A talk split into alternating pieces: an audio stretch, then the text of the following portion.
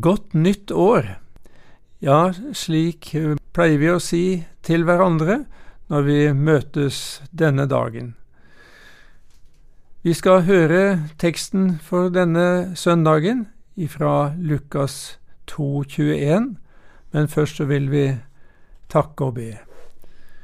Gode Far og Frelse, vi takker deg for eh, at du sendte din Sønn Jesus Kristus som vår frelser Takk, kjære Jesus, for at du var villig til å bære dette navnet, som garanterer for frelse for oss til evig tid.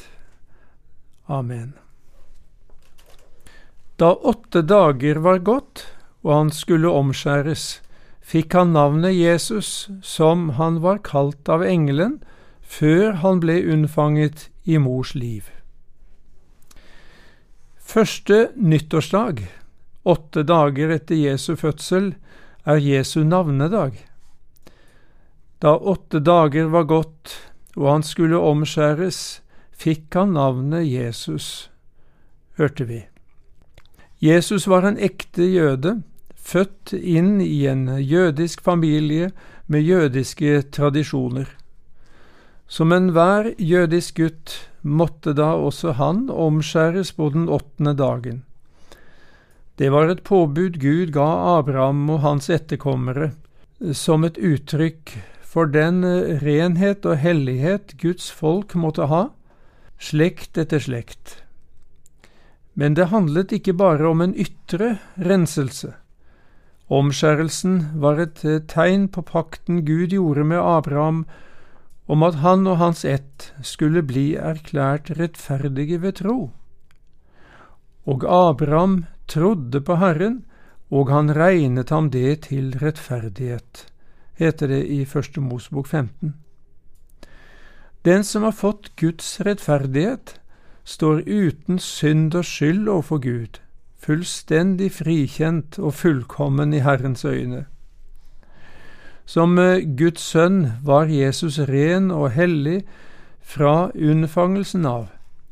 Engelen svarte og sa til henne, altså til Maria, Den hellige ånd skal komme over deg, og den høyestes kraft, altså Guds kraft, skal overskygge deg. Derfor skal også det hellige som blir født, kalles Guds sønn. Dette er eneste gangen noe hellig er født av en kvinne. Derfor skal barnet kalles Guds sønn. Det markeres at han hadde guddommelig natur, sammen med sin menneskelige natur.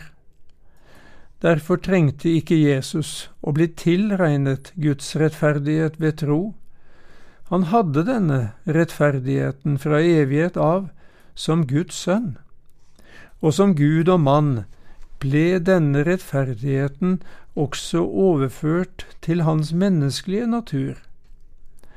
Likevel ble Jesus omskåret, for han skulle være en fullkommen jøde og et fullkomment menneske, en som er prøvd i alt i likhet med oss, men uten synd. Han skulle leve et perfekt liv som menneske, helt og fullt i samsvar med Guds vilje i vårt sted. Vi er ikke perfekte. Det tar vi kanskje ikke så alvorlig så lenge vi kan sammenligne oss med andre mennesker. Vi finner alltids noen som vi synes har sagt og gjort eh, noe verre enn oss selv. Men det som er langt mer alvorlig, er at vi ikke er perfekte etter Guds standard. I Guds øyne er dommen klar. Alle er veket av, alle sammen er blitt udugelige. Det er ikke noen som gjør det gode, ikke en eneste, heter det i Rombrevet 3.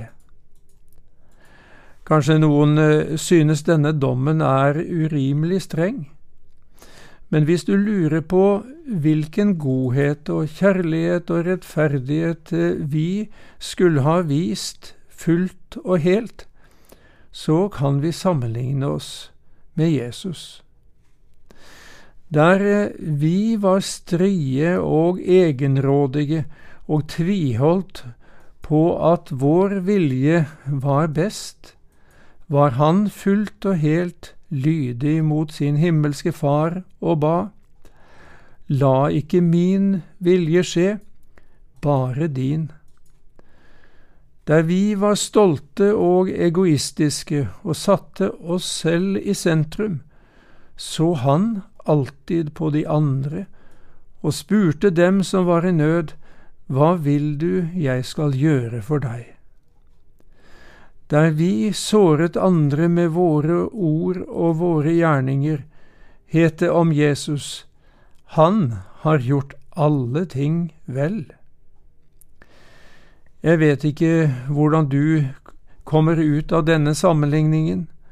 For min del må jeg si at jeg kommer veldig dårlig ut. Derfor måtte Jesus gi livet sitt i vårt sted, for å kjøpe oss fri fra selviskhetens ubetalelige skyld. Det er det sterkeste eksempelet på Hans nåde og tjenersinn. Som det står i Jesaja 53, Herren lot den skyld som lå på oss alle, ramme ham. Så alvorlig ser Gud på vårt egenrådige selvliv. Dette er ikke noe vi kan ordne opp i sjøl. For vi leste i Rombrevet 3 alle er veket av, alle sammen er blitt udugelige. Det finnes altså ingen reparasjonsmuligheter. Hvis materialet er pill råttent, hjelper det ikke om snekkeren er aldri så dyktig. Slik er situasjonen fullstendig håpløs for alle mennesker. I oss selv er vi fortapte syndere. Det nytter ikke bare med en hjelpende hånd fra Gud. Det vi trenger, er en frelser en himmelsk redningsmann som helt og fullt ordnet med en frelse for alle mennesker, totalt uten vår innblanding. Derfor fikk Guds og Marias sønn navnet Jesus. Etter bibelsk tankegang forteller ofte navnet noe om personen som bærer navnet. Man er det man heter, kan vi si. Derfor var det ikke tilfeldig at barnet som var født, fikk navnet Jesus da det skulle omskjæres. Den hebraiske utgaven av navnet er Jeshua, som betyr Herren frelser, eller rett og slett frelser. Jeshua ble til Jesus på gresk og latin, og Jesus på norsk. Gud måtte instruere både Maria og Josef om dette navnet. Engelen Gabriel sa til Maria, Se, du skal bli med barn og føde en sønn, og du skal gi ham navnet Jesus. Du skal gi ham navnet Jesus. Da sier han samtidig, han skal være frelser. Han skal være den Messias som Gud hadde lovet menneskene helt fra syndefallets dag. Josef var tydeligvis forvirret over det som skjedde med Maria, forståelig nok. Derfor måtte Gud gi han en spesialbehandling for å få han med på sin plan. I en eh, drøm viste en Herrens engel seg for ham og sa, Hun skal føde en sønn, og du skal gi ham navnet Jesus, for han skal frelse sitt folk fra deres synder. Her blir sammenhengen mellom navnet og oppgaven klart uttrykt. Du skal gi ham navnet Jesus, for han skal frelse sitt folk fra deres synder. Synden, brudd på Guds gode vilje, er ikke bare jødenes problem, det er også vårt problem, ditt og mitt problem, for synden skiller oss fra Gud, og den fører skyld og straff med seg. den må gjøres opp, om vi skal bli forsonet med Gud og kunne se evigheten lyst i møte. Det var dette oppgjøret Jesus var villig til å ta i vårt sted, ved å bære dette navnet og leve etter det, inntil døden, ja, døden på korset. Brorson skildrer dette på denne måten i en salme. Jesus oss til trøst og gavn, dette navn har villet bære. Men han måtte tidlig lære at det var et smertens navn. Han til blodet måtte stride, for det frelser navn han fikk. All vår synde, angst og kvie, dypt ham gjennom sjelen gikk. Så fortsetter han med å skildre kontrasten til vårt navn, hvem vi er. Å, jeg er en synder stor, det er all min navneære. Bedre kan det ikke være når jeg hører lovens ord. Men da du er Jesus blevet, og fordi min skyld du tok, derfor står mitt navn innskrevet deilig nå i livets bok. Slik demonstrerer Jesus at han er synderes venn. Han var villig til å bære ditt og mitt navn overfor Gud, for at vi skulle få stå der med Hans navn. Frelse innebærer at vi blir frelst fra noe og til noe annet som er mye, mye bedre. Vi er frelst fra synden til barnekår hos Gud, men da tidens fylde kom, utsendte Gud sin sønn, født av en kvinne, født under loven, for at han skulle kjøpe dem fri som var under loven, så vi skulle få barnekår. Vi er frelst fra djevelen og verden, altså den syndige menneskeheten, for å tilhøre Gud og ha del i Hans rike. Som det heter i Kolossebrevet 1. Han er den som fridde oss ut av mørkets makt og satte oss over i sin elskede Sønns rike. Vi er frelst fra døden for å ha evig liv, for så har Gud elsket verden, at han ga sin Sønn den enbårne, for at hver den som tror på ham, ikke skal fortapes, men ha evig liv. Og til slutt, vi er frelst fra Guds frede for å få del i Hans nåde. For Guds nåde er åpenbart til frelse for alle mennesker, i Jesus. For en rikdom Jesus har gitt oss! Barnekår hos Gud, borgerskap i Guds rike, evig liv og nåde. Et vanlig ord for frelse i Det nye testamentet betyr egentlig å gjøre hel, altså helbrede. Når Jesus har tatt all verdens synd på seg, kan vi nå ved troen på Han få et helt og harmonisk forhold til Gud igjen. Du kan med andre ord bli Guds barn. Som det heter i Johannes 1, men alle dem som tok imot ham, dem gav han rett til å bli Guds barn, de som tror på hans navn. Å ta imot Jesus er det samme som å tro på hans navn. Tro på Jesus som din frelser.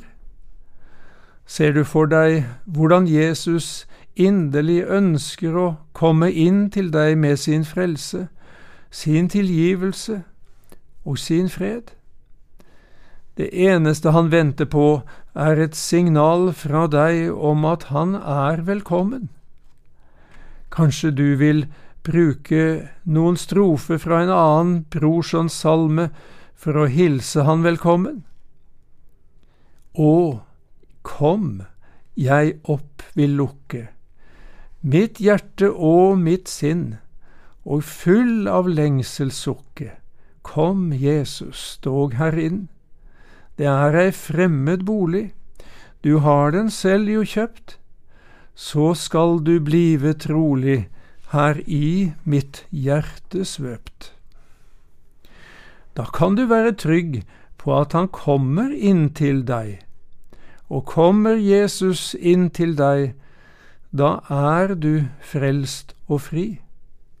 Da kan du si som han sa, eleven på, som jeg hadde på Fjelltun bibelskole, han fikk eh, se at det var nok, det som Jesus har gjort. Men da er jeg jo frelst, da, brøt han ut. Det er akkurat det du er, i Jesus.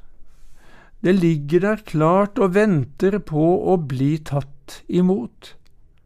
Med en gang du tror at det gjelder deg, så gjelder det deg. Det er ditt, alt det Jesus har gjort. Det tilbys deg som en ufortjent gave. For av nåde er dere frelst ved tro, og dette er ikke av dere selv, det er Guds gave. Kanskje det er vanskelig å se at dette gjelder deg. Kanskje det er så mørkt at du bare har lyst til å rope Herre, frels meg. Ja, så rop slik. Det er også et uttrykk for tro. Som det heter i Rombrevet 10, for hver den som påkaller Herrens navn, skal bli frelst. Å påkalle Herrens navn er å be til Jesus i sin nød og fortvilelse. Gjør du det, har du et fantastisk løfte å holde deg til. Du skal bli frelst. Ikke muligens en gang langt der framme, men med en gang, nå, om du roper i ditt hjerte. Jesus var ikke sein om å gripe Peter da han sank i bølgene og ropte Herre, frels meg. Jesus rakte straks hånden ut og grep tak i ham. Jesus er heller ikke sein om å gripe tak i deg når du kaller på ham. Du skal bli frelst. Visste du at det norske ordet frelst går tilbake til eh, den tiden de hadde slaver her i landet. Når de skulle føre slavene fra et sted til et annet, bandt de dem gjerne sammen med jernklaver om halsen og lenker fra den ene til den andre. Heldigvis hendte det at slaver ble frigitt eller frikjøpt. Da ble klaven tatt av trellen ble frihalset. Når dette uttrykket blir trukket sammen, fikk man ordet frelst. Det ligger altså en radikal forandring bak uttrykket. Ut fra Bibelen er det klart at synden binder oss som slaver. Jesus sa ved en anledning, Vær den som gjør synd, er syndens trell. Men når Jesus kommer inn til deg med syndenes forlatelse, blir du frelst og fri. For Jesus sier, Får da Sønnen frigjort dere, da blir dere virkelig fri. Ja, det blir et helt nytt liv. Vi som før hadde Gud som motstander, kan nå glede oss over å ha Han som vår himmelske Far. Jesus er vår bror og talsmann hos Gud. Da har vi ingenting å frykte på den store regnskapsdagen. Som det heter videre i den salmen vi siterte, Jeg skal opp i dommen stå, inn med fryd i himmelen stige, og i herlighetens rike skal jeg livets krone få hvite klær og palmegrene, engledrikk av livets flod, dette nyter jeg alene for min Jesu navn og blod. Det er mange store navn i verden, mange som lover både helse og frelse, men det er bare ett navn som holder på dommens dag, navnet Jesus. Og det er ikke frelse i noen annen, for det finnes ikke noe annet navn under himmelen, gitt blant mennesker, som vi kan bli frelst ved. Dette skal alle mennesker en dag måtte erkjenne, noen motvillig, andre med takk og glede. Som det står i Filippebrevet 2, derfor har å Gud høyt opphøyet ham og gitt ham det navnet som er over alle navn, for at i Jesu navn skal hvert kne bøye seg, deres som er i himmelen og på jorden og under jorden, og hver tunge skal bekjenne at Jesus Kristus er Herre, til Gud Faders ære. Derfor er det om å gjøre å satse på Jesu navnet til frelse her og nå.